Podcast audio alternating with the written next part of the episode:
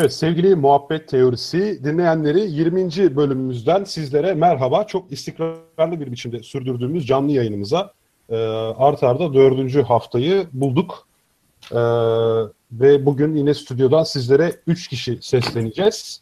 E, Kaan'la ben demirbaşız artık. E, İlker Birbil Sabancı Üniversitesi'nden bugün bizlerin konuğu. İlker Birbil'den çok kısa bahsedeceğim. Gerisini o zaten kendi cümleleriyle e, anlatmış olacak. İlker Birbil Sabancı Üniversitesi'nde e, görev yapıyor. Optimizasyon üzerine çalışıyor ve yapay öğrenme konusuyla ilgileniyor. Geçen hafta yapay ahlakı konuştuk. Şimdi e, ahlakı nasıl öğretiriz?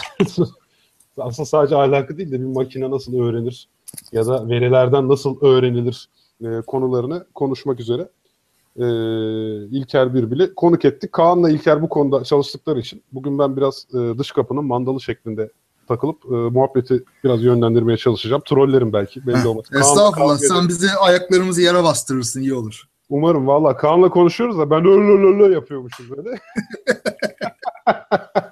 evet İlker hoş geldin. Eyvallah arkadaşlar hoş bulduk. Arada kalmış gibi hissediyorum ya. Siz de tabii çok antrenmanlısınız. Dur bakalım ben size yetişmeye çalışacağım. Herkese merhaba tekrar. Yani yetişirsin, yetişirsin hocam. Biz kavgada da çok böyle şeyiz onlar. E, yüz yüze gelince falan da mutlaka bir çetrefilli konu bulup e, konunun iki tarafı veriyoruz. E, bugün de böyle bir vegan linci yemişiz zaten yorumlardan. Twitter'da da paylaştım bu. Geçen ne? haftaki tartışmamızdan Yok. ötürü de. Şimdi o konuya girmeyeceğim. İkinci bir lince. Ya, ya veganlar et yemiyor ama senin etini yemeye çok meraklılar. Senin çiğ çiğ yemeye yani çok enteresan. Evet abi. Evet. Maalesef. Allah Allah. Beni yani can, canlıdan saymıyorum. Gidebilecek miyiz bakalım. Yani ilk defa olabilir dünyada. Şimdi e, yapay öğrenme e, geçmeden önce ufak bir duyuru yapacağım. İki yıl evvel e, mikrobilim kurgu öyküsü yarışması, öykü yarışması düzenlemiştik Entropol kitap olarak. E, bu yıl yine tekrarlıyoruz. Bu kez de konusu transhümanizm. Aslında bugün konuşacağımız konuyla da bir, bir şekilde bağlantılı. Sadece iki tweet uzunluğunda yani 280 karakter uzunluğunda mikro öyküler e, yazmaya çağırıyoruz e, katılımcıları. entropolkitap.com adresinden e, yarışma duyurusuna ulaşabilirler. Sizlere sözü vermeden önce dinleyicilerimize bir ses kontrolü için herkes sesimizi düzgün bir biçimde alıyorum. Sizler de hatta test için bir gün ismi söyleyebilirsiniz.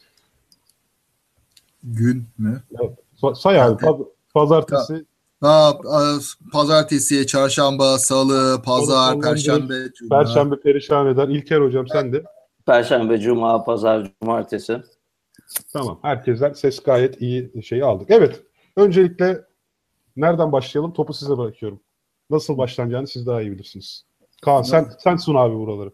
Aa, attı hemen topu üstümüze. Pekala. Şimdi yapay zeka diyoruz şimdi değil mi? Yapay zeka, yapay öğrenme. Bunun yapayı nerede? Biz şimdi öğrendik kendimiz de bir de yapayını öğreniyoruz. Bilgisayarlara öğreteceğiz değil mi? Olay o. Yani öğrenme nedir sorusuyla mı başlayalım diyorsun? O, o, o. Dünya gaz ve toz bulduğundan ibaret diye gidelim bari istersen. Yok, şimdi öğrenmenin ne olduğunu biliyoruz işte. Okuyoruz, öğreniyoruz, dinliyoruz, öğreniyoruz, konuşuyoruz, öğreniyoruz da aslında nasıl öğreniyoruz onu da bilmiyoruz Hayır, ki. Hakikaten, hakikaten değil öğrenme nedir? Kim bilir ya ne bileyim nedir. Kim bilir abi bir dakika. Yani, Olur mutlaka tanım Eğitim öğretim faaliyetleri yapıyoruz. İlker ya öğrenme nedir abi sana göre? Tabii. Valla öğrenme dediğiniz şey yani bana da çok teknik bir soru oldu bu çünkü daha matematiksel şeyleri Çalışmadan yani. Yapay öğrenme olsun onları konuşalım ama herhalde öğrenmeyi benden daha iyi anlatacak bir sürü insan var. Fakat benim için benim aklıma gelen şey ilişkileri kurmak. Yani sonuçta biz her türlü ayrıntıyı okuyup yani hele çocukken e, öğrenmiyoruz. Bir şeylerin ilişkilerini kuruyoruz. Sanırım ilişki kurmayı becermek biraz öğrenmek. Yani Bilgi ya da öğrenme, öğrenme diyemiyoruz salt olarak. Çünkü ben bir bilgisayardaki MP3 dosyasını diğer bilgisayara atınca o bilgisayar o MP3 dosyasını öğrenmiş olmuyor. Demek ki bilgi transferinden öte bir şey var burada değil mi? Tabii tabii. Zaten yapay zeka, yapay öğrenme de sanırım insanların kafasında biraz karışıyor. Hani yapay öğrenme, böyle yapay zeka şemsiyesi gibi bir şemsiye varsa onun altındaki bir dal olabilir. Ee, yani bunun işte çok etmenli sistemleri var, işte e, bu makine öğrenmesi var vesaire var. Yapay öğrenme bunlardan bir tanesi. Makine öğrenmesiyle bu arada yapay öğrenme aynı şey. Ee, bunun bir kısmı. E, yapılmaya çalışılan şey kabaca şu, onu e, toparlayabilirsem söyleyeyim. Elimizdeki veri, büyük bir veri seti var. E, bu veriye bakarak buradaki ilişkileri veya örüntüleri bulmaya çalışıyoruz. Temel hikaye bu. Çünkü bu örüntüler her zaman var. Yani bunun bir sürü örneği veriliyor. En basit örneklerden bir tanesi de işte benim izlediğim filmler var. Benim izlediğim filmleri biliyorsun. Es, benim de işte Kaan'a benzediğimi bu veri setinden çıkarabilirsen Kaan'a da benim izlediğim ve beğendiğim bir filmi önerebilirsin. Yapay öğrenmenin yapmaya çalıştığı şeylerden bir tanesi bu. Ama Yani- bir tek bu değil. Hı, Pardon. Bir araya girersem mesela şimdi demin dedin ya MP3 örneği e, Seyfik. Şimdi Evet. şu var. E, ezberlemek öğrenmek değil. Yani bu hem bizim eğitim sistemimizde deriz ya ezberci eğitim olmasın diye bu yapay öğrenmede daha da doğru. Şimdi akla gelebilecek her kural için mesela e, şu ya if then falan gibi program yazarsın. Şöyleyse şöyle yap, böyleyse böyle yap. Bu ne- nedir? Bilgisayara bir şeyleri ezberletmektir aslında. Kurallar dizisini ezberletmektir. Yapay öğrenme böyle değil. Burada elimizde böyle bildiğimiz şeyleri sıralı olarak bilgisayara verip yeni bir şeyle ilgili sonuç çıkartmasını istiyoruz. Yapay öğrenme o. Yani verilen O veriyi, bilgileri özetlesin istiyoruz. Ama o sonucu çıkarırken az önce söylediğin o if'ten else algoritmalarını yine önceden vermiyor muyuz? Ee, yok vermiyoruz. Bazen bu kendi kendine çıkartıyor bunları. Mesela bir ağaç oluşturuyor. Şöyle yaparsan böyle yap. Bir çatallanan bir yolları çatallanan bahçe yaratıyor. Ba- Şiir bazen kaldı valla şiiri. Ya şöyle düşün hocam. Diyelim ki senin elinde bir veri seti var. Yine aynı şeyden bahsediyoruz. Ve bu veri seti diyelim ki bir sürü fotoğraf. Şimdi Facebook'ta falan da var anladığım kadarıyla. Benim Facebook'um yok ama e, bu insanları yüzlerinden tanıyor. İşte bu Ahmet, bu Mehmet, bu Kaan, bu Ayşe diyor. Şimdi onu yaparken daha başlarda insanlar etiketlediler. Ayşe bu Ayşe buna benzer. Yandan böyle, önden böyle, sağdan böyle, soldan böyle. Şimdi biz bunu direkt matematiksel olarak şu özellikleri yüzünden burnu şurada durursa, gözü şu kadar mesafede olursa diye yazamıyoruz. Ama bizim elimizde bir sürü Ayşe resmi olursa ve diğer resimlerden olan farkları bir şekilde ifade edilebilirse bir e, yapay öğrenme tarafından, yapay öğrenme sana sonuç olarak bir sürü resim verdiğin zaman diyor ki bu resimlerin içinden şu arkadaş büyük ihtimalle Ayşe'dir diyor. Bu Aslında- işte onun için de iki, Buyur ikiye abi. ayırıyorlar. Çok uzatmadan hemen toparlayayım. İkiye ayırıyorlar. Bir güdümlü işi var. Bunun bir güdümsüz işi.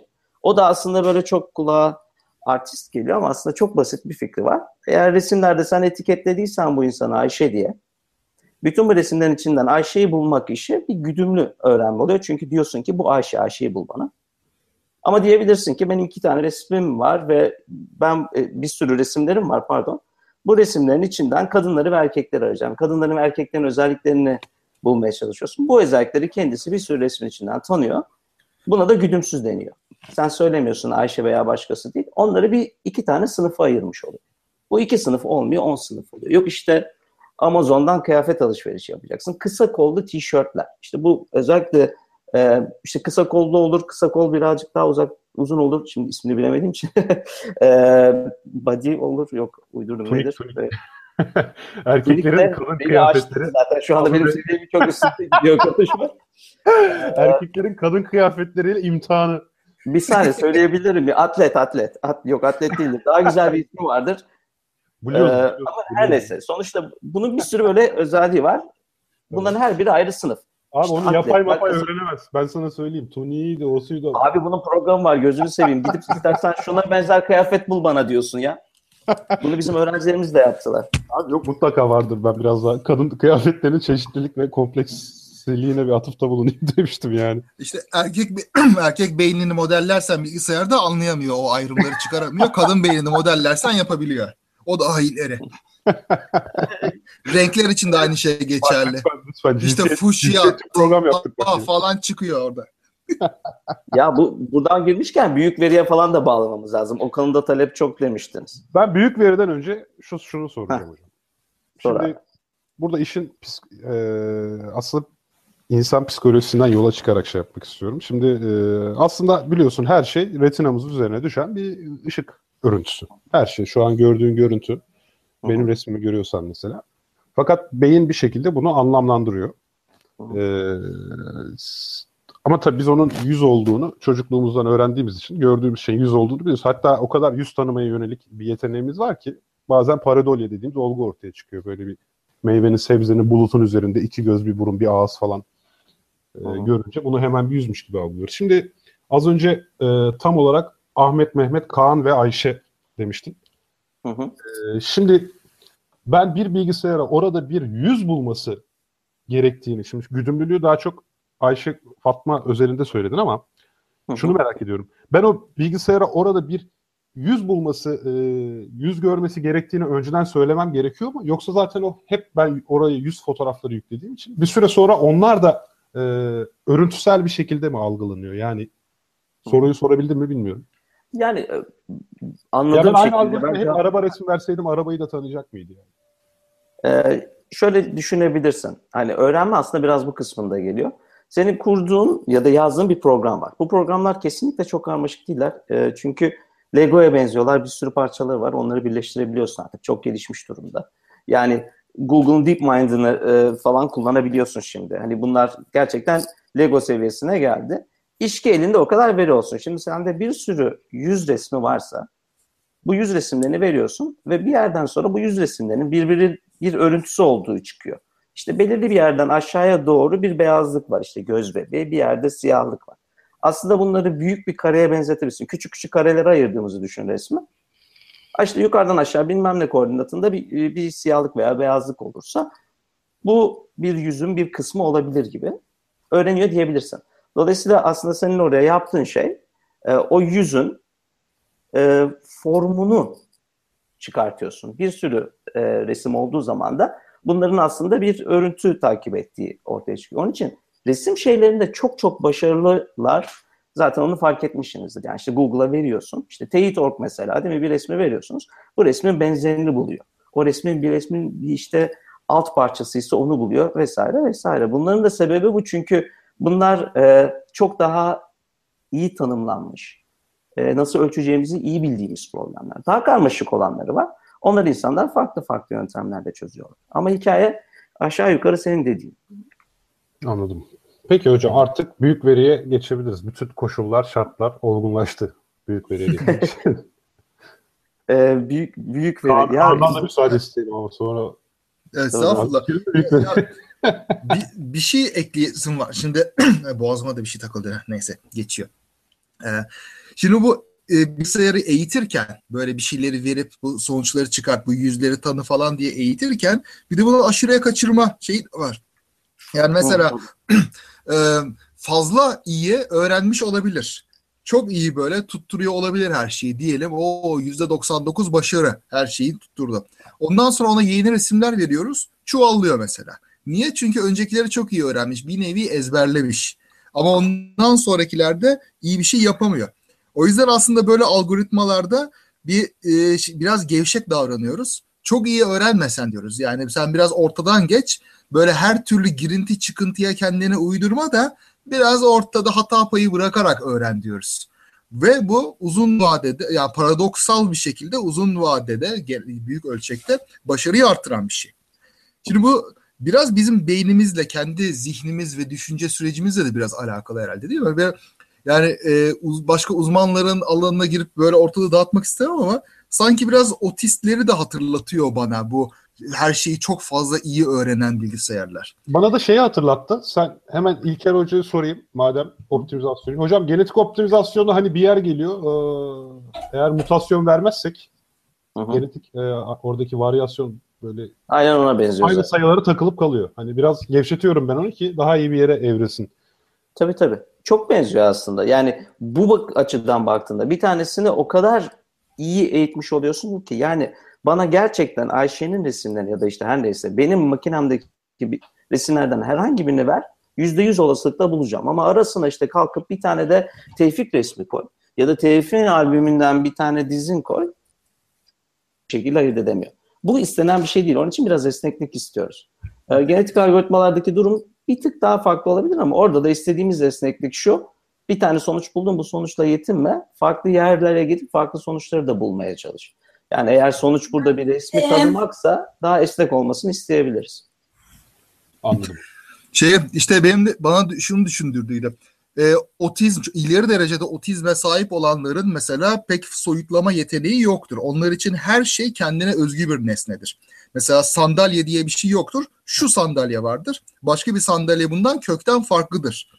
bu biraz böyle bizim her e, her şeyi çok iyi e, şey yapan, iyi öğrenen ama yeni şeylerde bir genelleme yapamayan algoritmalarımıza benziyor ama biz nor, e, şey nasıl diyeyim normal diyelim çoğunlukta olan beyinlerde daha bir soyutlama var. Soyutlama yeteneği de aslında ayrıntıları boş verip ana şeylere odaklanmaktan geçiyor anlaşılan. Bu biraz bu buna benziyor analoji de hata yoksa eğer. Yalnız bu arada an, ya analojiler benim çok hoşuma gidiyor. Şu an e, bir bilgisayar algoritmasını otistik olarak nitelemek ya da e, düşünsenize aşırı şey e, bulunabilirlik hatası yapan bir algoritma da olabilir. İlk bulduğu, e, ilk gördüğü ayrıntıdan yola çıkarak onu hep Ayşe ya da Fatma diye tahmin etmek de bir tür heuristiktir öyle değil mi yani?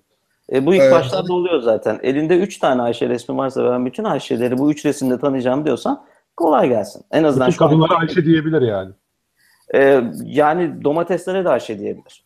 O zaman çok az bir resim oldu ama Aşağı da benzetebiliriz. Efendim? Aşık bir insana da benzetebiliriz o zaman. Ha, yani olabilir. Bilemiyorum.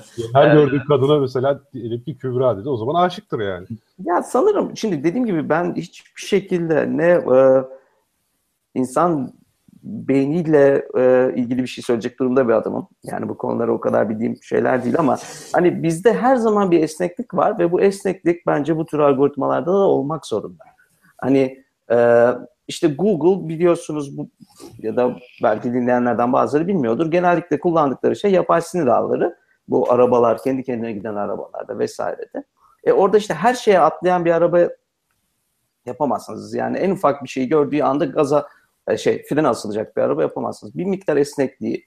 İşte hiçbir zaman mesela araba kullanırken siz böyle çok ani dönüşler yapmıyorsunuz. Yumuşak dönüşler ve bunu zaman içinde öğreniyorsunuz. E, ya da hiç kel alaka gelecek ama epey oldu izleyelim. BBC'de bir program vardı. E, bir ressamla benim gibi daha kalas bir adamın e, gözlerine şey koyuyorlar. e, baktıkları yeri ölçen bir alet. İkisine de e, bir e, insan oturtup o insanın portresini yaptırıyorlar. E, ressamlar nokta atışlarıyla bakıyorlar. Burnun tamamına bakmıyor. Burnun işte bir kenarına bakıyor. Oradan birkaç santim yukarı atlıyor. Oradan kaşı atlıyor. Oradan bilmem nereye atlıyor. Ve o tür ayrıntılarla yüzün ifadesini veriyor. Ama hmm. diğer insanlar yani ben e, o böyle işte uzun uzun burnu tek başına bütün gözüyle çizmeye çalışıyor. Yani onu bütün trace ediyor. Ee, onlar tabii ki çok daha başarısız oluyor. Yani demek isteyeceğim aslında bizler de çok süratli olarak ehemmiyetli yerlerden çıkarım yapıyoruz. Hmm. Hmm.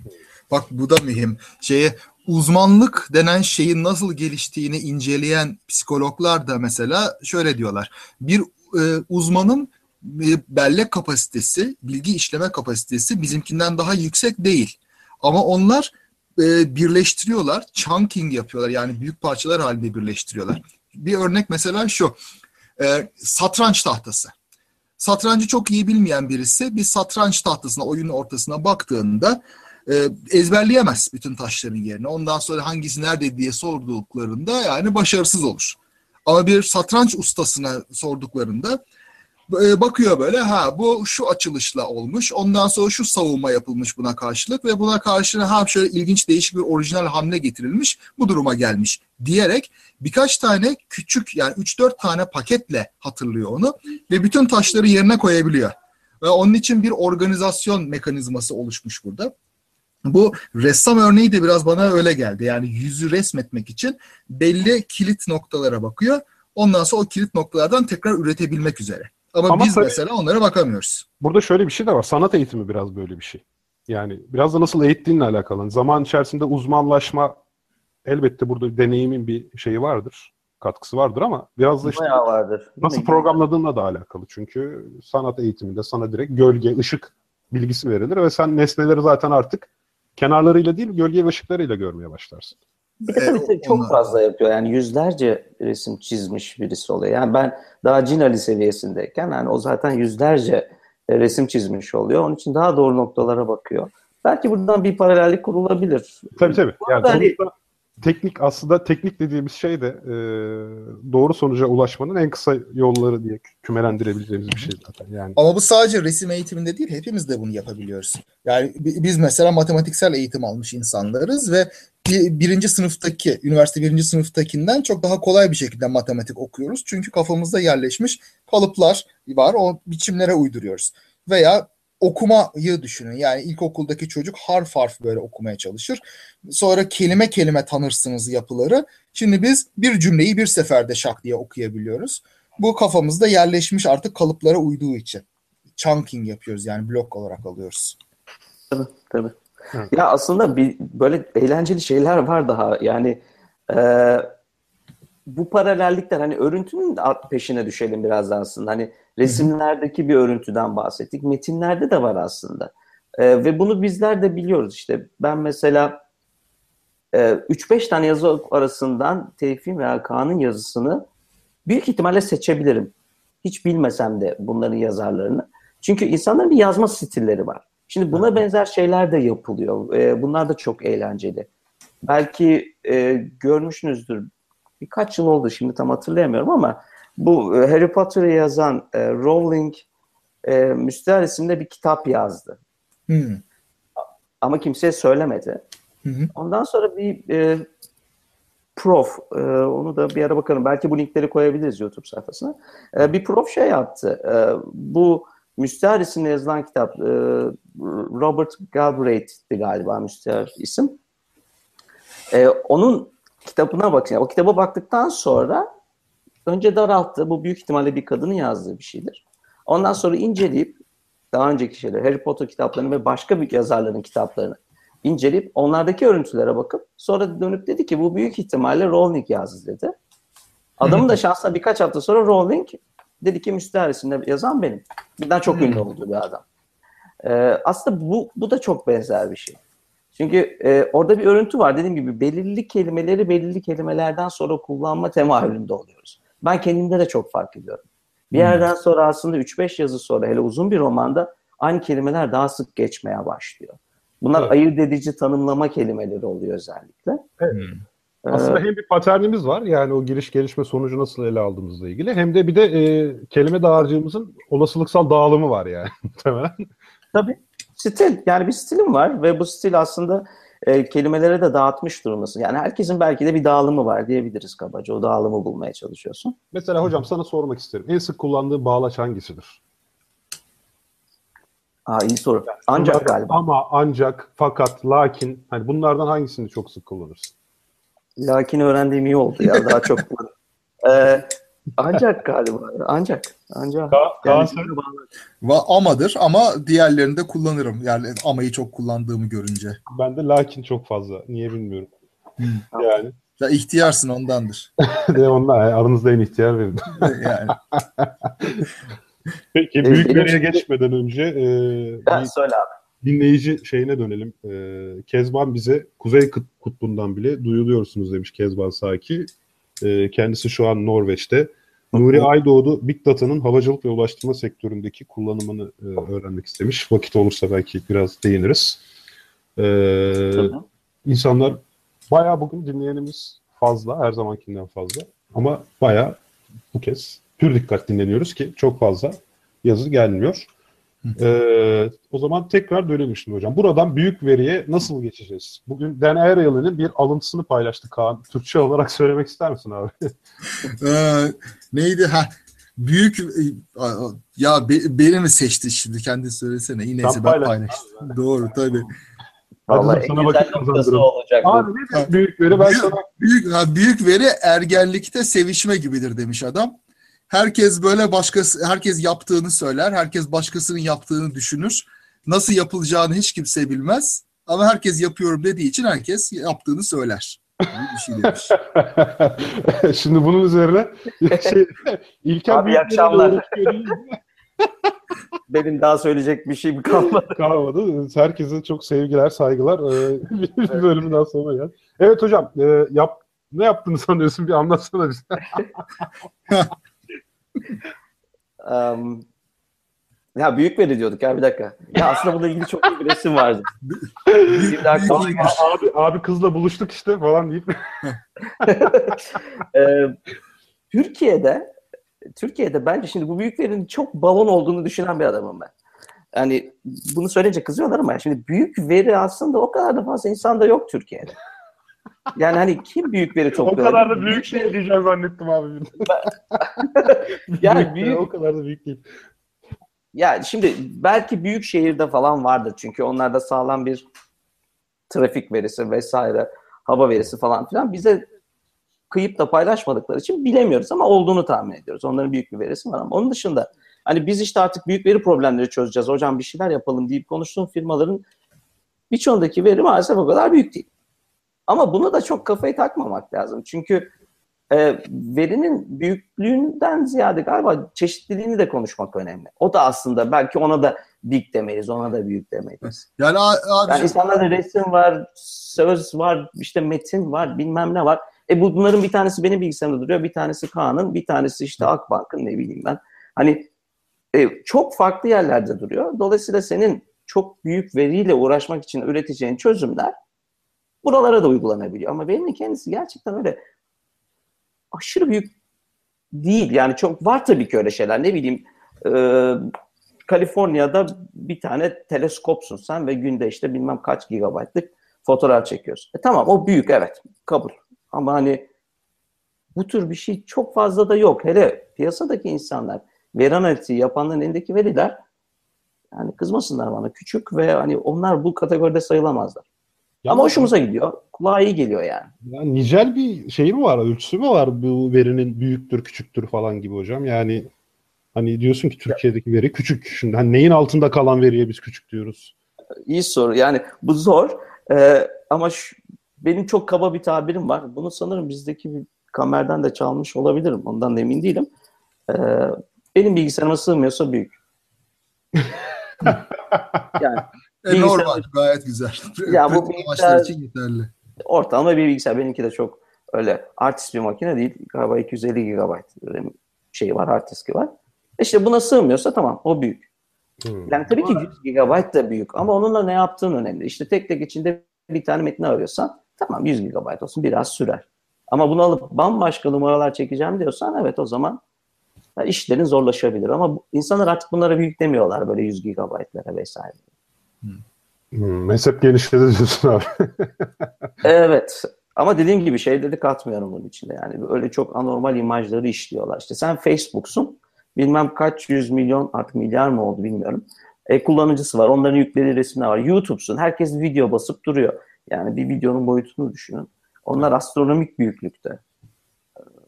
Ya belki Onlara da gıcığım ve onunla ilgili söylemek istediklerim var ama onu daha sonra konuşuruz. Ya büyüklüğü gigabayt, megabayt gibi değil. Belki de veri sayısıyla ölçmek bu anlamda daha şey olmaz mı? Diyeceğim de onu da ölçemeyiz. O da bir ölçü olamaz.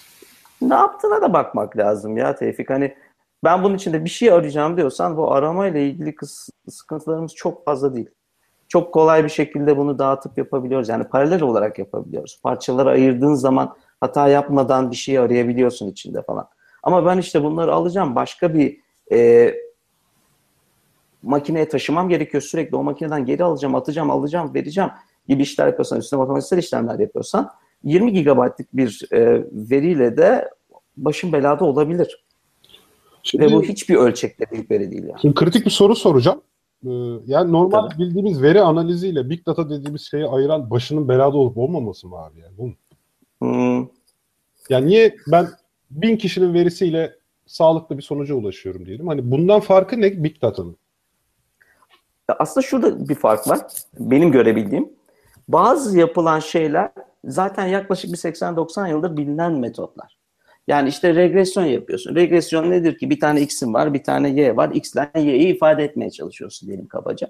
E bunu zaten çok eskiden beri biliyoruz. Ama eskiden istatistikçiler e, mümkün olduğunca az veriyle bu tahminleri yapmak isterlerdi. Düşünsene işte sana diyorlar ki bir tane dağılımın e, şeklini çıkaracaksın. Ama 10 tane verim var. İşte 15 tane var. Ne zaman işte kaç sayıda verin olursa bu dağılıma güvenebilirsin gibi bir sürü çok sağlam, iyi matematikleri de olan istatistik yöntemleri var. Çünkü o zaman veri toplamak pahalı bir şey. Hmm. Adamların derdi farklı. Evet. Ama şimdi öyle bir şey yok. İbadullah. Biz atmaya çalışıyoruz bazen. Değil mi? Ayrık veriyi temizleme gibi bir hikaye var. Yani beni yüzde onu ayrık deyip atıyorsun. Ev, yani, evimde var. evde var. Dertlerimiz değişti. Evet evet e, elde var yani. Bizde şimdi bir e, makale atıf verisi var. Yani bir kısmı tamamıyla çöp. Alsan sana daha fena yani. Temizlemeye çalışıyorsun. Temizlemek bu işin hani dışarıdan böyle anladığım kadar insanlara daha etkileyici geliyor bu büyük veri işleri. Veri analizi bilmem ne işte. E, veri analizi. Ama bir yandan yüzde yetmişi diyeceğim ki bu gerçekten çok muhafazakar bir sayı. Veri temizlemekle geçiyor yani. Bayağı sıkıcı bir şey. Ya şimdi atıyorum e, sosyal bilimci olarak şöyle söyleyeyim. E, artık bu kimlik iyice üzerime yapıştı da ya pek çok e, sonuca belli bir hata oranını kabul etmek için zaten benim böyle çok büyük bir veriye ihtiyacım yok. E, çok o kadar düşük hataya hani çok kritik yerlerde ancak ihtiyacım olabilir. Hani ben 1 milyar tane veriyi iyi analiz edeyim ki hata payım 0,0003 olsun diyebileceğim yer anca uzay çalışmaları falan olsa gerek. Hani öyle bir hesap kitap yapacağım ki e, ancak bu kadar hatayı kabul edebilirim. Çünkü milyar dolarlık yatırımım var falan diye düşünmem için. Hani gerçekten bu kadar veriyle o kadar hatasız sonuçlara ulaşmaya hakikaten bir ihtiyacımız var mı? Ee, gene galiba örnekler üzerinden gitmek lazım. Bence belki heyecan... yanlış anlamışım. Ayrı mesele. Yok şu, şimdi sen orada çok daha spesifik olarak problemi biliyorsun. Diyorsun ki yani benim elimde bu tür şeyler var. Şu tür sonuçları ifade ediyor mu bu veri diye bakacağım. Ben bunu belirli bir örneklemle yapabilirim. İstatistik bunu bize öğretti. Şimdi evet. adamların bazen ne yaradıklarını da tam bilmediğini düşünmek lazım. Yani şunu kastediyorum. Hmm. E, atıyorum benim veri tabanımda şey verisi var. E, bu şimdi birlikte belki bir iş yapmayı düşündüğümüz bir firma. Kaan biliyor bu hikayeyi. E, benim elimde diyelim ki insanların özgeçmişleri var. Yani nerelerde okudular vesaire. Başka birisinde de e, başka bir firmada da bu insanların sağlık bilgileri var. Evet. Şimdi sağlık bilgilerine bakarak onlar bir çıkarım yapabilirler. Ben elimdeki e, özgeçmişlere bakarak bir çıkarım yapabilirim. Ama bir birlikte çalışabilseydik çok daha enteresan sonuçlar yapabiliriz. Bunu bu şekilde büyütebilirsin. Üçüncü bir firma gelip bilmem ne söyleyebilir. Ya da işte büyük şehire geri dönersek şu göremediğimiz verileri çok muazzam veriler aslında. Adam hava verisi topluyor, yer verisi topluyor, su verisi topluyor, trafiği topluyor, bilmem neyi topluyor.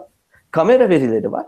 Bunların hepsini birleştirip yapılabilecek şeyler konusunda şu anda ben sana direkt tamam. bir şey ama çok parlak adamlar var bunları yapabilecek. Aslında problemler daha kompleks. Yani ben senin verdiğin yanıttan evet. e, çıkardığım sonuç bu. Problemler daha karmaşık ve kompleks olunca evet. e, İlişkileri bile bilmiyoruz evet. diye düşünebilirsin yani.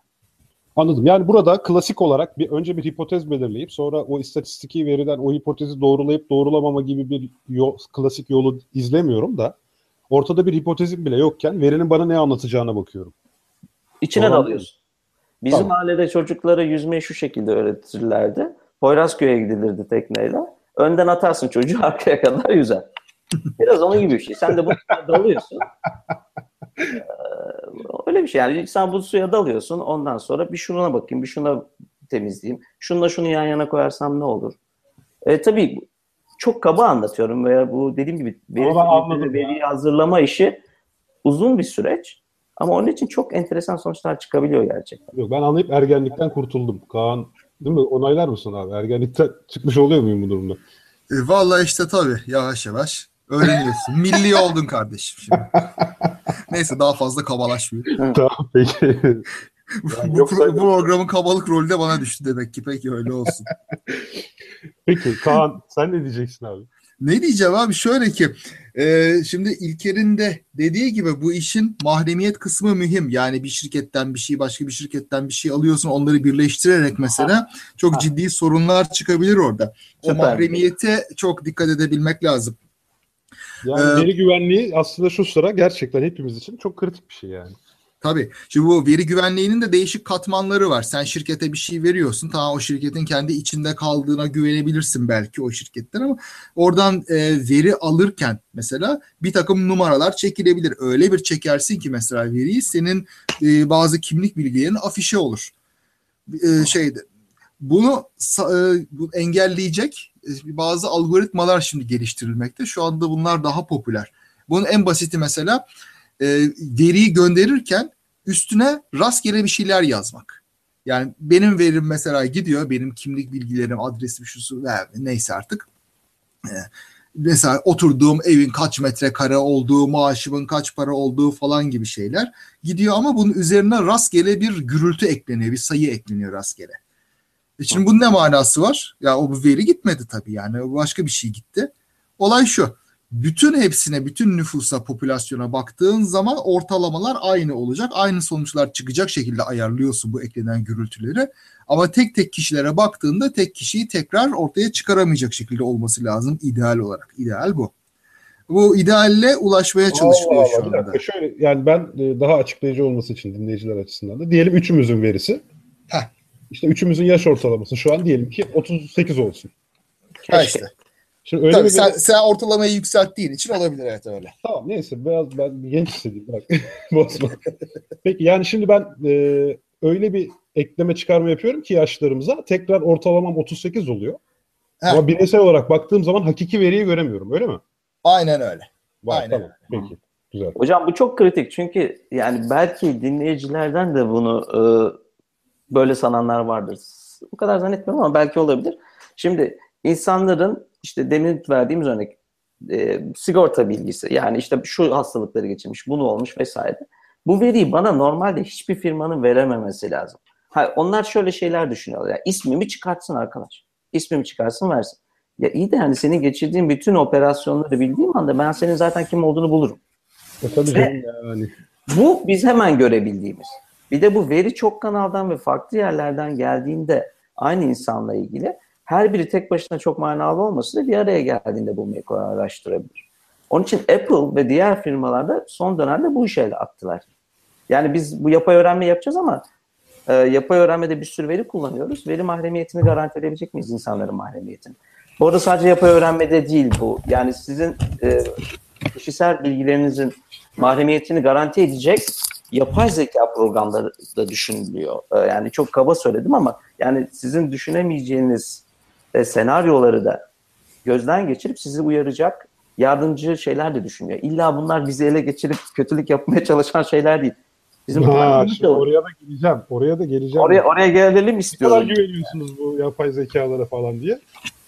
Ee, oraya geçmeden o zaman tekrar dinleyicilerimize dönelim. Ee, Canberk Bal Kanada'dan selamlar demiş. Biz de giderek güneş batmayan bir podcast olmaya başladık tüm dünyada. Şu an dinleniyoruz gördüğümüz kadarıyla. Canberk ileri ikinci kere sordu. Ee, İlker Kaan bu soru size veri bilimine de değinir misiniz demiş. Çok genel bir soru. Türkiye özelindeki durumundan bahsetmemizi istemiş. Bunu bir kenara atalım istiyorsanız. Ee, bir de havacılık sektörü vardı kenara bir attığımız. havacılık sektörü vardı. Ona da bir beraber şöyle ufakça değiniriz. Bildiğim Onun kadar söyleyeyim tabii. Selamlarını iletenler var. Yeni program konusu önerenler var. Saire saire. Şimdi o zaman bir veri bilimi ve Türkiye'deki durumu denmiş. Ee, ne dersiniz bu konuda? İlker daha iyi bilir deyip ona Ee, atayım topu. Şimdi Peki. Bu veri bilimini oradan çıkartıp Türkiye'deki herhangi bir yeni alan ya da daha doğrusu bir bilimsel alanı düşünelim. Onunla ilgili durum veri bilimi için de geçerli. Yani kastettiğim şu. Orada burada bölük pörçük çalışan çok çok parlak insanlarımız var. Yani bu e, metin analizinde de olabilir. Doğal dil işleme de olabilir. İşte büyük verinin işte dağıtık olarak paralel olarak işlenmesi de olabilir. Ama bir araya gelmiş büyük laboratuvarlar, ee, henüz Türkiye'de maalesef yok. Ama e, dediğim gibi bu veri bilimi için değil birçok dal için söylenebilir. Biz bir araya gelemiyoruz. Yani kristalleşmeler var ama bunlar bir araya gelemiyorlar diye düşünüyorum. Hı. onun dışında endüstri kısmına bakarız. Yani biraz akademik bir şey söylemiş oldum. Ee, endüstri kısmına bakıldığında da insanlar bunun bayağı ayırdındalar. Ee, şunu da unutmamak lazım. Servis sektöründe çok fazla mühendis de çalışıyor Türkiye'de. Ee, ve bunların özellikle bankalar vesaire onları düşünürseniz oralarda pek çok mühendis var. Ee, bu işin ehemmiyetinin farkındalar. Ee, kendilerini yetiştirmeye çalışıyorlar. Üniversiteler henüz tam ayak uyduramadı. Ama bu sene ben dönüp baktığım zaman e, benim bildiğim 3-5 üniversitede, bunların arasında çok iyi üniversiteler de var. Bu tür e, programlar lisans seviyesine çekilmeye başladı. Yüksek lisans seviyesinde bayağı var ama onlar da genellikle işte hani Lego demiştim ya Lego'nun ötesine geçmek istemiyorlar. Ama o Lego'nun ötesine geçmeden yani o Lego parçalarını başkası yaptığı sürece bizim bu konuda daha da atak olmamız mümkün değil. Yani onun için üniversiteyle belki bir araya gelerek ya da biraz daha teknik konuları öğrenmeye e, meyilli olan insanların e, bu işe sarılması lazım. E, en büyük problemlerden bir tanesi gene gördüğüm veri paylaşımı konusunda çok cimri. E, başta devlet, çünkü onlarda çok veri olduğu için onu söylüyorum. Ama belediyeleri de bunun içinde e, sayabilirim. Bu veri paylaşımı konusunda çok cimrilik var. E, daha önce e, Deniz Yürek'le konuşmuştuk Koç Üniversitesi'nden. Belki bu durum değişmiştir. Onun için hemen bu söylediğimi geri de alabilirim. Ama örneğin doğal dil işleme ve Türkçe'de bir şeyler yapacaksınız. E, etiketlenmiş yani bu sıfattır, bu zamirdir diye metinlerin üzerinde gerçekten bir fiil insanların uğraştığı bir sürü metin olursa çok daha iyi işler çıkabilir. Bundaki bizim koleksiyonumuz da zayıf. Ee, gibi sorunlarımız var. Cimriliğin nedeni ne peki şey mi? Bir gün başımıza bela olur bizim bu verileri vermemiz gibi bir korku mu? Yoksa bir şekilde vermiyor mu yani? Hani esas neden burada biraz da ne sana neyi vereceğini tam bilmiyor. Senin de ne amaçla aldığını tam tabii güvenemiyor galiba değil mi? Yani biraz veri cimriliğinin nedeni bu mu devlet kanadında? Ya devlet refleksinin birinci kuralı ihaledir. Yani ihale açmak istiyor. Neye ihale açacağını bilmiyor herhalde. Ben onu tahmin ediyorum. Ama insanlar böyle yapmıyorlar. Mesela birçok şehir, büyük şehir e, ki yıllardır yapıyorlar bunu. Önemli sayıda verisini açıyor ve ondan sonra yarışmalar düzenliyor. Dediğim gibi benden kat ve kat iyi kod yazan çok parlak arkadaşlar var. Onlar alıp bunu hiç aklımıza gelmeyecek verileri bir araya getirip çok enteresan cep telefonu uygulamaları yazıyorlar. Ya da e, bilimsel çalışmalarda kullanılıyor ve buradan yapılan çıkarımlar yayınlara dönüşüyor vesaire vesaire bir görünürlük getiriyor. E, bizde öyle işlemiyor. Bizde demesi lazım ki atıyorum X insanının işte veri ambarının başında kim varsa bizim işte havaya bakarak hangi bölgelerde yaşanır diye bir çalışma ihtiyacımız var. Haydi ihaleye çıkalım. Sanırım böyle çalışıyor. Benim tahminim budur devlet şeyin tarafında. Diğer grupta tabii ki çekiniyor yani bankadan falan veri vermesi mümkün değil. Ve çok ciddi olarak regüle ediyorlar. Evet tabii. sanırım BDDK'nın ilgili konuda regülasyonları tabii, var. Tabii yani onun için ben birebir insanları suçlamadan mutlaka söylemeliyim bunu. Öyle anlaşıldıysa geri alayım. Ee, ama işte, sağlık sektörü hakeza aynı. Ama biliyorsunuz neler saçıldı ortalığa sonra. Ee, onun için biraz karışık, yavaş ilerliyor. Var var ama birileri var. Çok çok iyi işler yapan bir sürü arkadaş tanıyorum. Valla BDDK durumunda doğrudur. Tamam regülasyonu falan o açılardan anlarım. Ama bazı durumlarda devletin çok güzel veri topladığı ama o veriyi yaymadığı da vaki hassas olmayan durumlarda. Mesela Tabii. Meteoroloji Genel Müdürlüğü'nün elinde veriler var ve bunları pazarlıyor, satıyor. Para verip alacaksın diye. Ee, şeyde Kandil'in elinde çok güzel veriler var ve onları bedava veriyordu son baktığımda. Yeni durumlar nasıl bilmiyorum. O, o bir istisna. Ama mesela Türk Dil Kurumu bile yani demin dedik ya şeyden bahsederken e, dil işleme vesaire gibi şeyler. E, Türk Dil Kurumu elinde o kadar ne, ne bileyim sözlük bile sözlüğü bile açık bir şekilde bir veri tabanı olarak vermiyor. E, sorgulama yapıyoruz o kadar. Hmm. Şimdi bu açık olarak verilse ne kadar güzel şeyler yapılabilir. Ama bunlar Eskiden şimdi benim, benim elime geçmişti ya TDK sözlüğünün veri tabanı.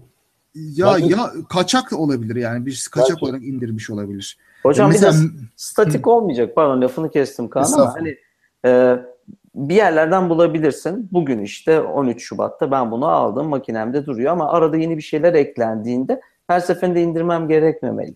Yani o bir yerde durmalı biz oradan çekebilmeliyiz o veriyi. Sanırım Kaan'ın kastettiği o. Yani o tür bir çekmeye müsaade etmiyorlar.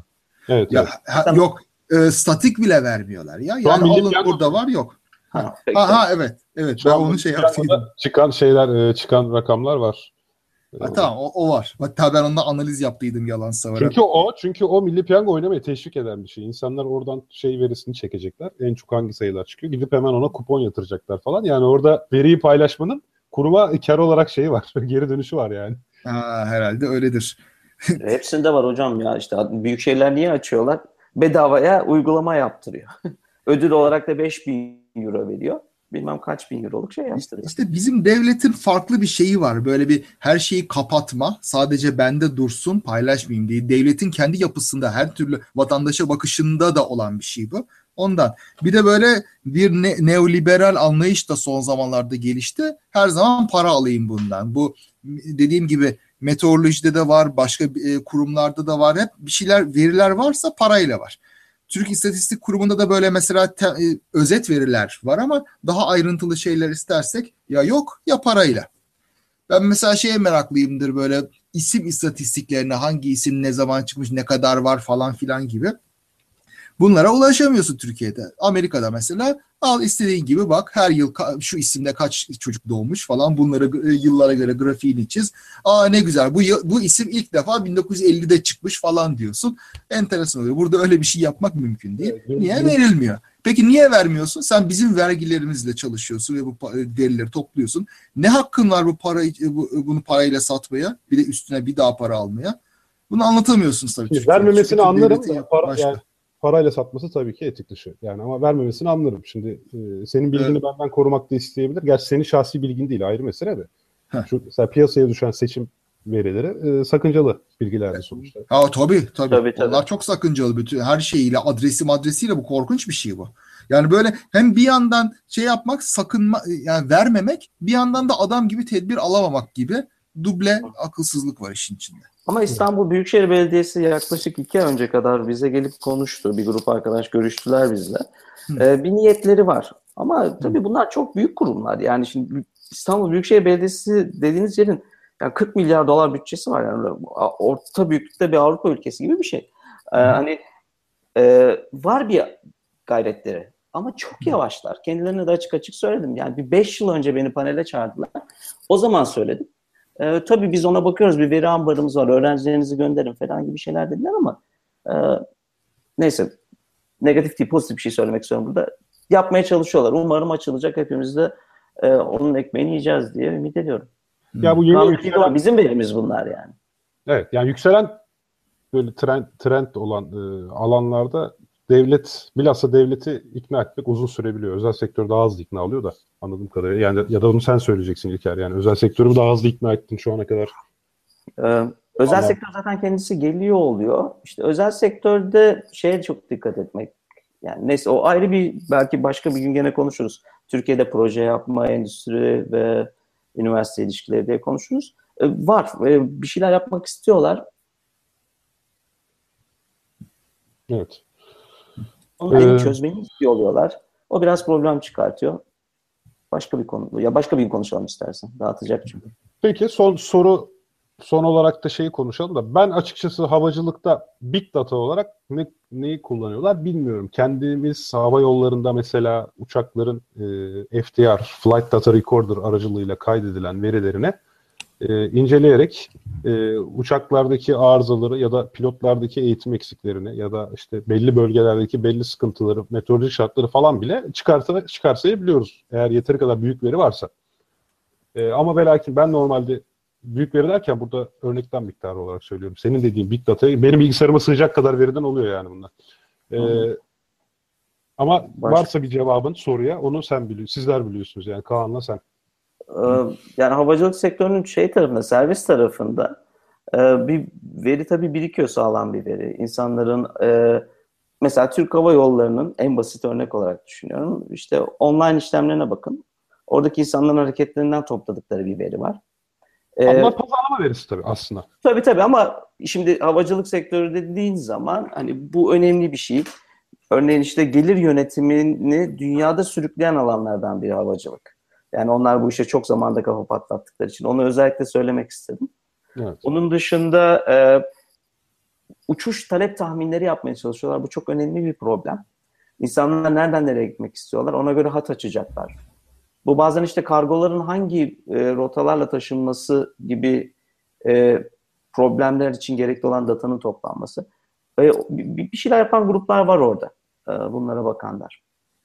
Ama sanmıyorum ki çok büyük problemler olsun. Ama yani hem büyük problemler değil hem bence o kadar büyük bir veri yine de yine de yoktur diye tahmin ediyorum ya. Evet. Şeyi bilemiyorum tabii. Öyle hani kara kutu verisi falan gibi daha ezoterik veriler de varsa e, onlar belki daha ilginç olabilir. Çünkü onlar kayıt olduğu için kayıtlar ama evet, yani onlar da siliniyor falan bir şeylerdir diye tahmin ediyorum. Çok iyi bilmiyorum. Onlar e, en az bir ay tutma zorunluluğumuz var. Hı. Yani e, istersek zaten depoluyoruz da e, ayda bir incelemek zorundalar bu performans departmanları var havayolu şirketlerinin. Onlar sürekli o verileri takip ediyor. Enteresan bir veri aslında. Emniyet alanında çalışarak sadece ben emniyet açısından bu verilerle ilgileniyorum. Şeyle ilgilenmiyorum teknik olarak. Hı hı. Evet, şimdi hocam bu bilgisayarlar öğrenecek. Eyvallah. De şimdi ben mesela kendi kendime diyorum ki yani şu Google beni benden iyi tanıyor olabilir. Tamam mı? Ben kendim hatırlamıyorum ne zaman nereye gidiyorum, hangi zamanlarda hangi şarkıları açıp dinliyorum YouTube'dan, ne zaman hüzünlüyüm, ne zaman sevinçliyim, ne zaman açıp film izliyorum, fragman izliyorum. Ee, ben benim bile kendim hakkında böyle bir istatistiğim yok. Ama Google'ın var. İnsanlarda da şöyle bir kaygı var. Zaten yapay zeka giderek daha yetenekli hale geliyor. E bir de bunca insanın e, böyle çok hassas verilerine de sahip. Hani e, gün gelecek yapay zeka zaten genel olarak bir super intelligence dediğimiz o zeka patlaması. Yani yapay zeka gelecek gelecek insan zekası seviyesine gelecek. Sonra bir insana aşı verecek. Bir de bu yapay zekaya kendisini yani yeni bir yapay zeka tasarlama gücü olursa al başına belayı diye bir korku senaryosu da vardır. Başını Ray Kurzweil'in çektiği. Ee, yani ne olacak gelecekte? Biraz şu kötü senaryolara ya da iyi senaryolara her neyse. Yani bu öğren öğren nereye kadar? Nereye gidecek bu işin ucu? yapay zeka dünyayı ele geçirecek. Ee, yapay Matrix'e, Matrix'e gömecekler mi abi bizi? ya inşallah umarım Türkiye'den başlarlar. ee, şimdi bu bizim arada evde de konuştuğumuz şey yani Pınar'la Pınar bilgisayar mühendisi e, o da yapay zeka o yapay zeka çalışıyor pardon ben yapay zeka çalışmıyorum. Onunla da konuşuyoruz. Yani insanlar tabii böyle fe, felaket senaryolarından hareket ediyorlar ama bir de çok pozitif şeyler de olacak. Hani e, ikisini biraz dengeli götürmemiz lazım. Bu herhalde tarih boyu buna benzer şeyler konuşuldu. İşte barut bulundu. Herkes artık e, silahlarla vurulup birbirini öldürecek. Kimse kalmayacak. Belki dendi. Hani belki bu seviyede değil. Ama şu andaki var olan durum da aslında yani dışarıdan baksan bayağı patetik. Ee, çok temel şeyler yapıyoruz. Yani ben çocuğuma işte bunlar kadın, bunlar erkek al sana bir milyon tane resime bak demiyorum. O başka ilişkiler kurarak ne bileyim sesi duyuyor başka bir şey diyor. Tam ben de bilemiyorum dediğim gibi uzman değil.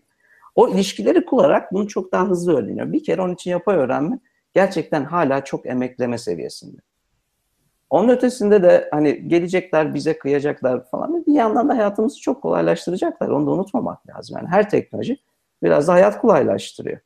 Yani işte yaşlı biri de olan bir robot. İlla onu kesecek işte bileziklerini alacak diye bir şey yok ki. Yani o onu alacak. Belki yatağından kaldırabilecek.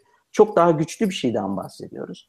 Ee, diyeceğim o ki evet bunlar olabilir. İşte bu en sonda Google'ın DeepMind'i galiba sağda solda Scientific American'da falan da yazılar çıktı. Manyağa bağladım. Köşeye sıkışınca işte tam bir psikopat oluyor falan diye. Ee, Evet ama bunlar da düzeltilecek. Sonuçta o düzeltmeleri ve o değişiklikleri e, bizler hep birlikte zaman içerisinde göreceğiz. Olmayacak demek de istemiyorum ama illa olacak değil. Hep negatif şeyleri konuşmak insanlar hoşuna gidiyor galiba. Ya tabii ki hoşumuza gidiyor abi. Bir kere şunu karar verdim. Sen Skynet lobisinin adamısın. Tamam. Diyorum bak inşallah Türkiye'den başlarlar. Bilim ve Teknoloji Bakanı olacağım. Tamam peki. İkincisi de yani şimdi burada kötü kötü senaryo. Belki Kaan bize biraz precautionary principle denen bir felsefi ilkeden bahsetmek ister tam bu noktada. Ha. Valla biraz o benim üstüme yapıştı gibi bizim bizim grupta ama ben o kadar da abi aklıma direkt sen geliyorsun yani. Ha tamam. Yani ilk duyduğum zaman ha iyi gibiydi de biraz abartılı şu anda sunuluyor. Neyse precautionary principle şu bir şey e, ileride başımıza bela açabilecek gibi görünüyorsa biz onu baştan keselim ona göre önlemleri alalım önünü keselim falan düşüncesi. Bu e, mesela Nasim Talep şey konusunda GDO konusunda biraz abartılı bir şekilde savunur. Burada işte yapay zekada bizim başımıza gelmeden biz bunu ezelim falan gibi. Bu tartışma eski ya. Yani bu bak şeye e, robot korkusunu 1900 kaç 38 kaç doğumluydu Asimov neyse. Tabii 1938'de Asimov yazmış ya ben robot hikayeleriyle başlıyor işte küçük robot Robbie gibisinden. 60'larda Çok... yazmış olmalı da. Yok 18 ya, 18 yaşında yaz, yazdı onları ya. Aa tamam o zaman meşhur olmuş tamam 60 doğru doğru tamam. Ha yani e, robotlardan korkan bir toplum ve gayet barışsever, çok böyle candan hizmet etmeye çalışan zavallı bir robotun hikayesi. Ve Asimov baştan beri bu Frankenstein kompleksine karşı yazmıştır, onu eleştirmiştir, ludizm demiştir. Ya Ben benim düşüncem vermeyeyim de Asimov'un serisinin sonunda yani neyse Ta- ha, öyle demiş de yani serinin sonunda ne oluyor? Vakıf serisinin sonunda. aa, çok iyi oluyor bak işte. Yani spoiler vermeyelim ama iyi oluyor yani kötü bir şey olmuyor. Neyse. Yani ben, benim demek istediğim bak şimdi alışacağız ya. Yani tarihte her dönüm noktasında bir ulan nereye gidiyoruz mahvoluyoruz bitiyoruz olmuş. İşte matbaada da olmuş. Arabalar icat edilince de olmuş. İşte bilgisayar, internet icat edilirken ya Clifford Stoll vardır böyle. E, 70'leri 80'lerin böyle biraz meşhur internetçilerinden. O, onun kitabı var bende duruyor. İşte bu internet mahvedecek ortalığı. Artık okumayacağız, artık yazmayacağız falan. Biraz romantikçe şikayetler.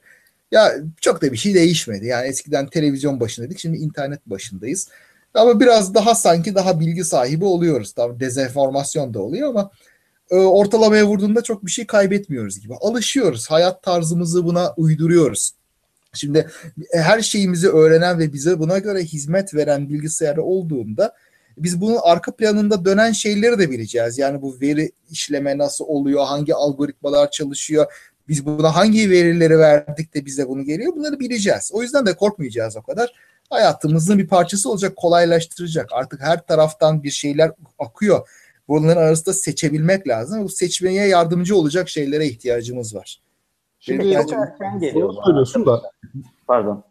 Ya bana çok erken geliyor. Gerçekten hani biraz içinde olan biri olarak söylüyorum. Daha emekleme seviyesindeyiz. Yani etkileniyoruz tabii. Go oyununda işte ki Zorcan'a da bir oyun işte dünya şampiyonu yendi falan. Tamam güzel ama onu yapıyor işte. Ondan sonra bardağı şuradan şuraya koyamıyor ya da ne bileyim işte bardağı armuttan ayıramıyor. nasıl Onun için ayrı bir şey yapmak gerekiyor. Ya bu şeye benziyor. İşte buhar motoru bulundu. Onun için büyük ihtimalle ileride e, soğuk savaş çıkacak. Yani o onu oradan kesmek falan biraz zor. Bu işin Ya, ruhuna da aykırı. Gidişat bu yönde. Hep beraber kollayacağız. Hani ya e, doğru da o kadar dediğin gibi şimdi önlem alabilen varlıklar değiliz İlker. Yani doğru. Ee, al işte küresel ısınma. Yani bundan 30 30 yıl önce insanlar bu sera etkisi ortaya koyduğu zaman bütün dünya inanmakta güçlük çekti. Hala işte Amerika'da Trump yönetimi bu e, sera etkisine karşı e, olan ekipten dünyada hala insanlar e, aksi yönde kandırılabiliyorlar. Ve işte gün gelecek kutuplar eriyecek. Bak şöyle olacak, böyle olacak gibi şey senaryolar zamanında çok korkutucu işte bulundu ve azımsandı ama gerçekten bugün dünya olarak şu an o tarafa doğru gidiyoruz yani. Ha tamam belki bir çözüm bulacağız. Bir şekilde geri döndürürüz ama ya döndüremezsek kısmı sence yeterince korkunç değil mi şu an yani? Evet, bunu birçok şey için söyle. Yani bana sorarsan hani tabii ki yapay zeka ile ilgili endişelerin olma olasılığı var. Bunu yani bilemiyorum en azından o olasılığı vermek istiyorum. Ama söylediğin yani küresel iklim değişikliği çok daha acil ve hemen üzerine düşünmemiz gereken bir şey. Yani ikisinin arasındaki e, zaman farkı bana böyle çok çok büyük gibi geliyor. Yani zaten hepimiz öldükten sonra öyle ele geçirsinler. Yani hepimiz sel altında kaldıktan sonra ele geçirsinler. Ya- Yani biraz bir önceliklendirmemiz gerekiyor. Haklısın. Ama şu andan ket vuracağımız çalışmalara engel olmak istesek ya da kontrol etmeye çalışsak da başaramayacağımızı düşünüyorum açıkçası. Hayır, hayır zaten bence çalışmalar asla ket vurulmasın ama hani nasıl ki şu an nükleer e, silahları kontrol edebiliyoruz uranyum kontrol ederek. Hı hı. tutup da dünyada herhangi bir ufak tefek terörist örgüt eline nükleer silah geçiremiyor. Ya da oturup atom bombası yapamıyor. Hı hı. Ama gün gelip nanoteknoloji ilerleyince mesela aynı robot korkusunu taşıyan insanların bir felaket senaryosu da Grey Goo, Gooball senaryosu. Grey Goo muydu? Grey Goo galiba. Hani e, nanoteknolojik, kendi kendine self replikant bir nanoteknolojik silah düşün tamam mı? Bir tane molekül, makina Hı hı. sürekli kendinden üretebiliyor olsun. Dünyada bulabildiği malzemelerle. Yani hidrojen, azot falan gibi. Hı hı. Mesela böyle bir cihaz, böyle bir silah çok kısa bir sürede bütün dünyayı yok edebileceği varsayılıyor ve varsayımsal olarak doğru. Yapabilir. Eğer gerçekten tabii böyle bir cihaz yapılabilirse. O ayrı da. Mesela o zaman biz bunu nükleer silahları kontrol ettiğimiz gibi kontrol edebileceğiz ve terörist grupların e, eline geçmesi kolay olacak. Bu yüzden buna şimdiden bazı e, düşünelim, oturalım, beyin fırtınası yapalım, önlemler bulalım diyor bu adamlar. Tamam senaryolar çok uçuk biliyorum. Ama bir Alman atasözü var işte güven iyidir ama kontrol daha iyidir diye. Hani ben Evet. sanki biraz daha o taraftan yanayım. Ee, bir de olayı sadece belki de robotlar bizi ele geçirecek şu bu falan filan gibi de görmemek lazım. Şimdi Kaan doğru söylüyor. Hayat standartımız biz buna alışıyoruz falan filan diyor ama Kaan bunu belirli bir gelir grubunun üzerinde teknolojiyi kullanabilen ve buna sahip olabilen bir kitlenin üyesi olarak söylüyor.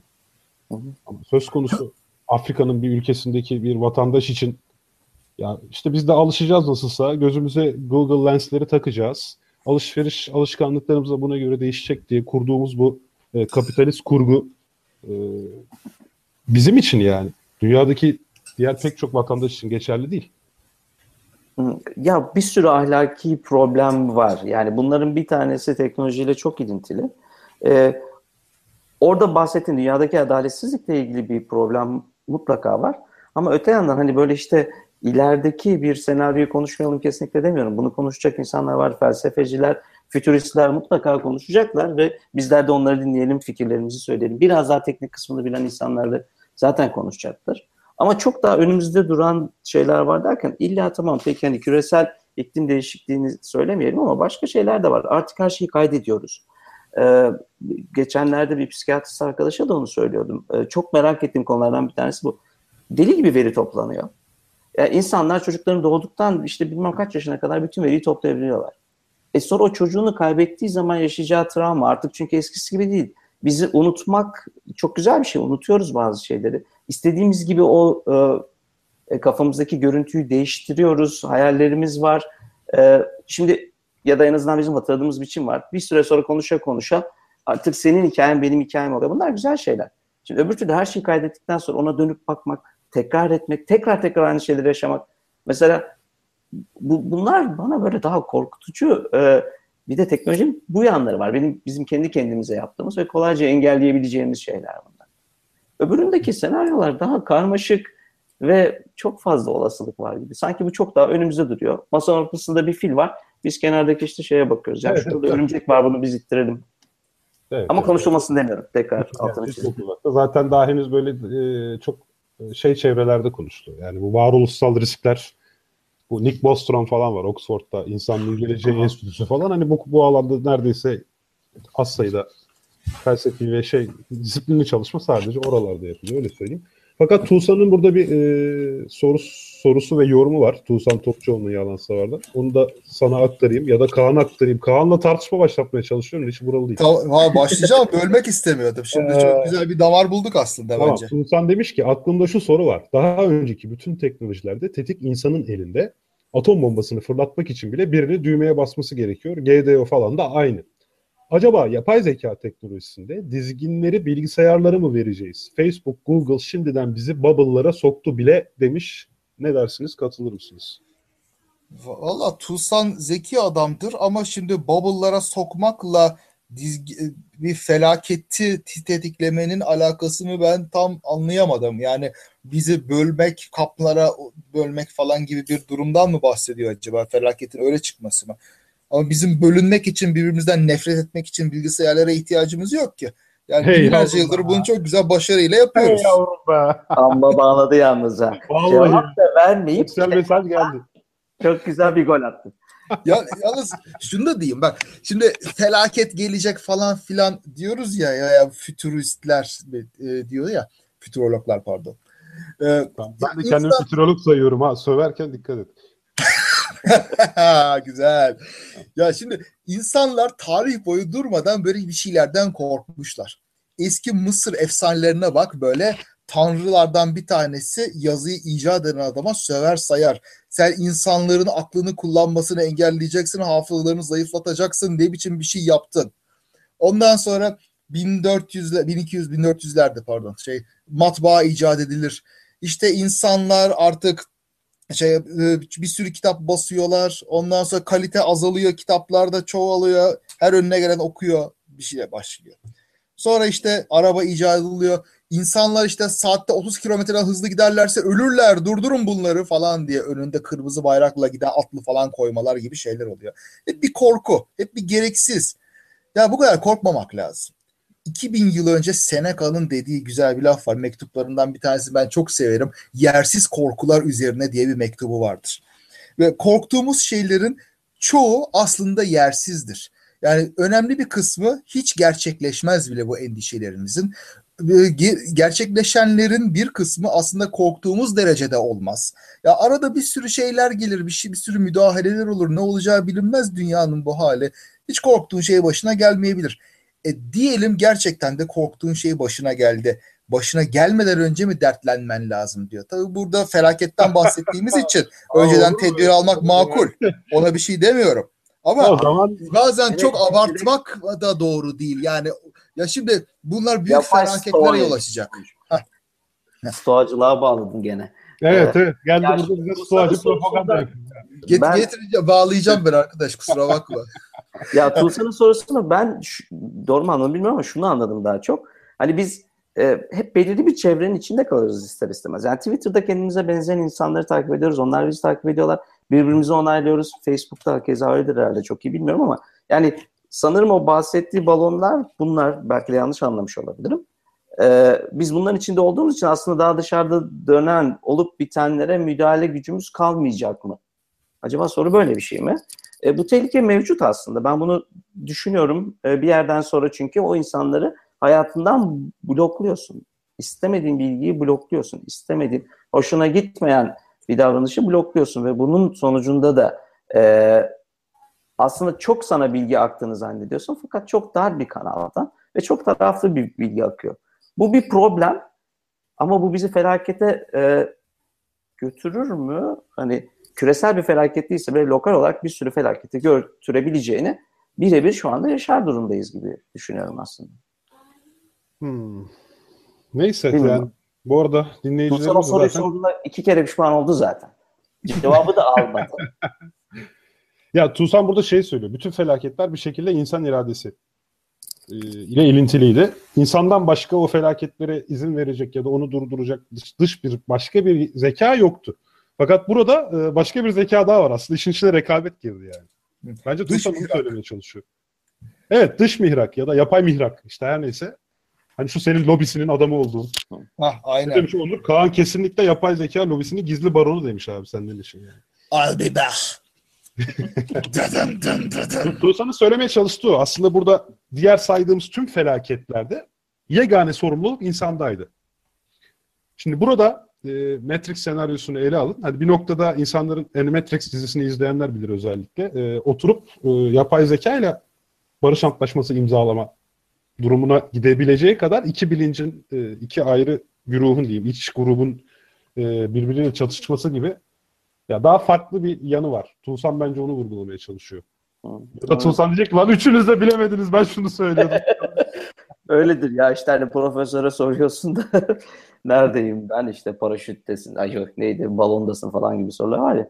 Ee, herhalde öyle bir şey oldu. Yani e, evet eğer bu, bu yöndeyse konuşacağımız ya da sorulan şey buysa bu bir problem ama sanırım orada da bir konsensus ya da işte bir Birleşmiş Milletler gibi bir oluşum olacak işte.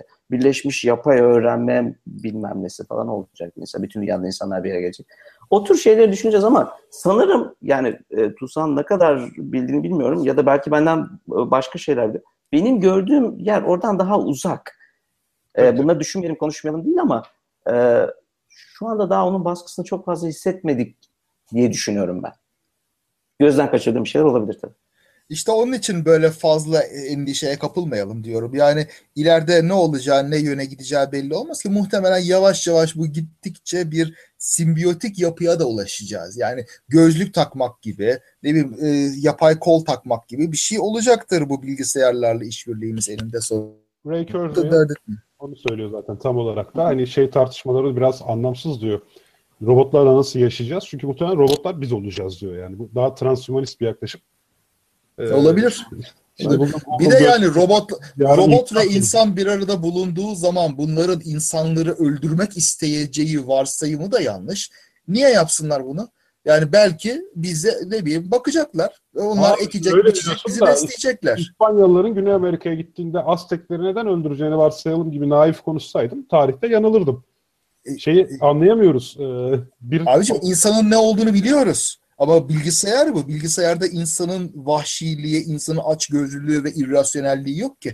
virüs girerse ne olacak abi? E, virüs niye o yapsın ki bunu? Ya ama ama niye yapsın diyorsun? Niye o zaman şu an virüs benim bilgisayarıma bir şey yapıyor yani şimdi Virüsü insanlar yapıyor, kendisi oluşmuyor ki. Ya şimdi sen burada hesabı her şeyin iyi gittiği ve hesaba katabildiğin olasılıklardan bahsediyorsun. Zaten felaketten bahsediyorsak hesaba katmadığımız bir şeyler olmuş demektir yani. Sen şimdi bana Black Swan'lu kara ku- kuğuluk falan yapma ya. Aa, siyah kuğuluk.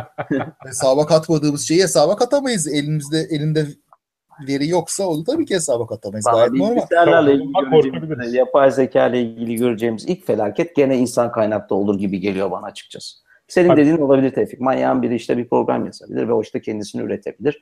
Nano şeylerden bahsediyordum mesela. Gibi Ama gibi. yani bunu gerçekten başlatacak insan olma ihtimali ben inanın bunu bir bilgisayar programı veya bir yapay zeka olmasından çok daha yüksek görüyorum. Bu var yani değil mi? Ne tür insanlar var görüyoruz yani sırf Türkiye'de geçen yıl ve bu yıl olanlara bakın üst üste koyun. Kimlerle yaşıyoruz yani? Yapay Ya zeka zaten- bizim korkumuz olmasın. Abi zaten o Nick Bostrom'un falan söylediği şeyler robot bunu kendi kendine yapacak değil. Sen muhtemelen robotu zaten Asimov kanunları gibi kanunlarla sınırlayacaksın.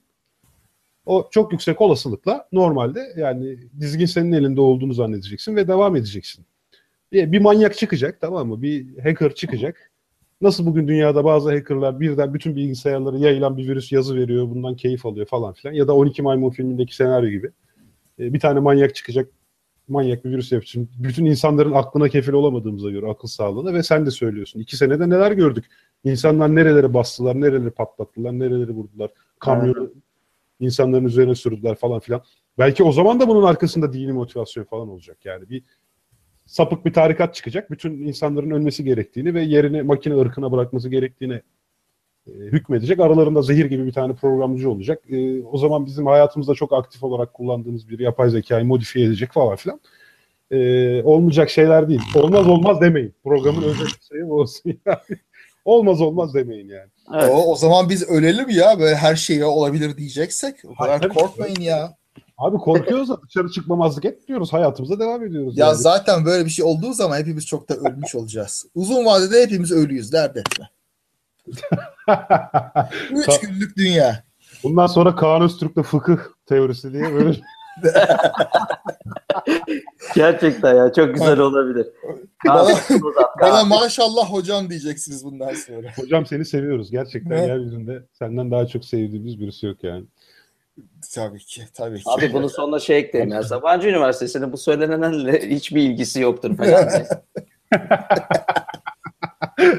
Spor şeyleri. Disclaimer. Ekan yarın bizi çekecek şimdi. Kaan'la beraber. Hadi ya. dinledim, dinledim diye. ben hepsi İlker söyledi diyeceğim. kuzenim Evet kuzenim. şu an 13 dakika olmuş. Çok keyifli bir muhabbet. oldu. Ee, Gene yapalım. Maalesef. Ama insanları gerçekten e, bize maruz bırakmayacak bir şekilde yapalım. Ayrıca siz bana rakı dediniz, bira dediniz. Sonunda bir tane köz köz bilgisayara bakıyorum ya. Abi yayın daha bitmedi ya. Bak sen kapattın falan zannettin. Pardon. Ee, biz, sana da- biz sana dansöz sözü de vermiştik de. evet. Yazıyorum. e. Ya yaz abi yaz. Yavaş yavaş programımızın sonuna geldik. Belki son olarak e, şu an Türkiye'deki akademik katliam konusunda da bir iki söz söylemek lazım. E, maalesef e, yani benim buna vereceğim tepki şuydu. Akıllı insan, yani çok büyük anti-entelektüelist bir hareket olarak görüyorum ben.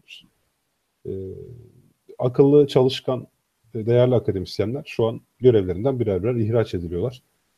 İşte yanlışlar oldu, geri alınacak falan filan diyorlar. Böyle çok büyük tepki doğdu da yani alsanız ne işte mantık bu bilmiyorum benim söyleyeceğim. Yani söyleyecek bir şey bile yok artık. Bu konuda bir şey söyleme, bu konuda bir yorum yapmaya gerek bile yok yani de. Son olarak insan bir şeyler söylemek istiyor yani. Öyle maalesef. Yani şu anda dediğin gibi ciddi bir aydın düşmanlığı, her zaman var olan aydın düşmanlığı ciddi bir şekilde dizgin, e, şey, dolu dizgin koşmakta. Ee, bu, bu tabii böyle devam etmez. Üniversiteleri ve akil insanları ortadan kaldırılmış bir toplum bir yere varmaz.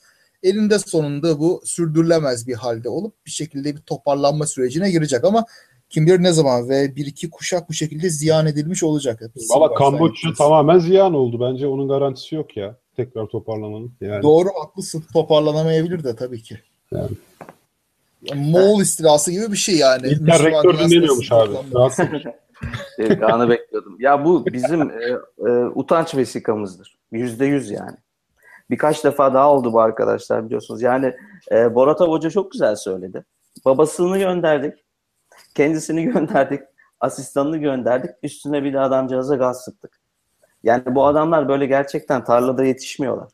Bu insanlar çok kıymetli adamlar. Bu insanların 81 yaşındaki bir insan Türkiye'de bilinen iktisatçılardan biri. Onların döneminde bölümler kuruluyordu daha yeni.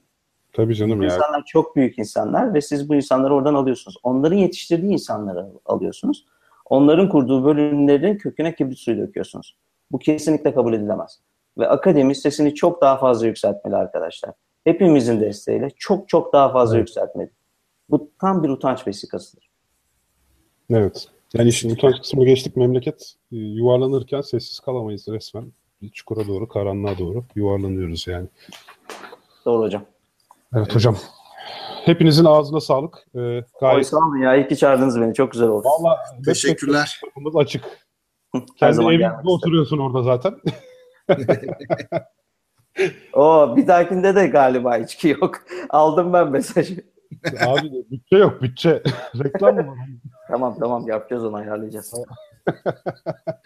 Ee, dinleyicilerimize de çok teşekkür ederiz. Ee, değerli görüşleriyle katkıda bulundular. Sürekli olarak bizi dinliyorlar, yazıyorlar, teşvik ediyorlar sağ olsunlar. Haftaya aynı gün aynı saatte yeni heyecanlı bir konuyla birlikte olmak dileğiyle. Bugün İlker Birbil'in konuk aldık Kaan Öztürk'le beraber. Ee, yapay öğrenme üzerine çok güzel bir konu konuştuk. Bakalım yeni yapaylarımız ne olacak? Bir süre herhalde bu konulardan gideceğiz gibi görünüyor. Onur Arpat'ı e, dahil etmeyi düşünüyorduk. Haftaya pazartesi müsaitse belki Onur gelir. E, yine bir şeyler konuşuruz. E, haftaya için şöyle bir önerim var. E, İlker aslında senin de ilgini çekerse bak seni de şimdiden davet etmiş olalım. Bu ötenazi mevzunu bir masaya yatırsak mı ya? Olur. Güzel bir konuya benziyor. Geçenlerde bir makale paylaşmıştık. Aynı anda intihar etmeyi tercih eden bir çiftin e, haberi üzerine de. İşin e, Ya okudum evet. bu şey kısmını bir tartışasım var benim. Belki öyle bir şey yaparız. Şimdiden duyuralım dinleyicilerimize. Harika konuşuruz hocam. Nasıl haberleşiyoruz? Tamamdır. Hadi herkese iyi akşamlar, sevgiler, selamlar. Hoşçakalın. Daha fazla bilgi edinmek isteyenler Tarihi Osmanlı Mecmuası'nın 3. cüzünün 1912. sayfasına bakabilirler efendim.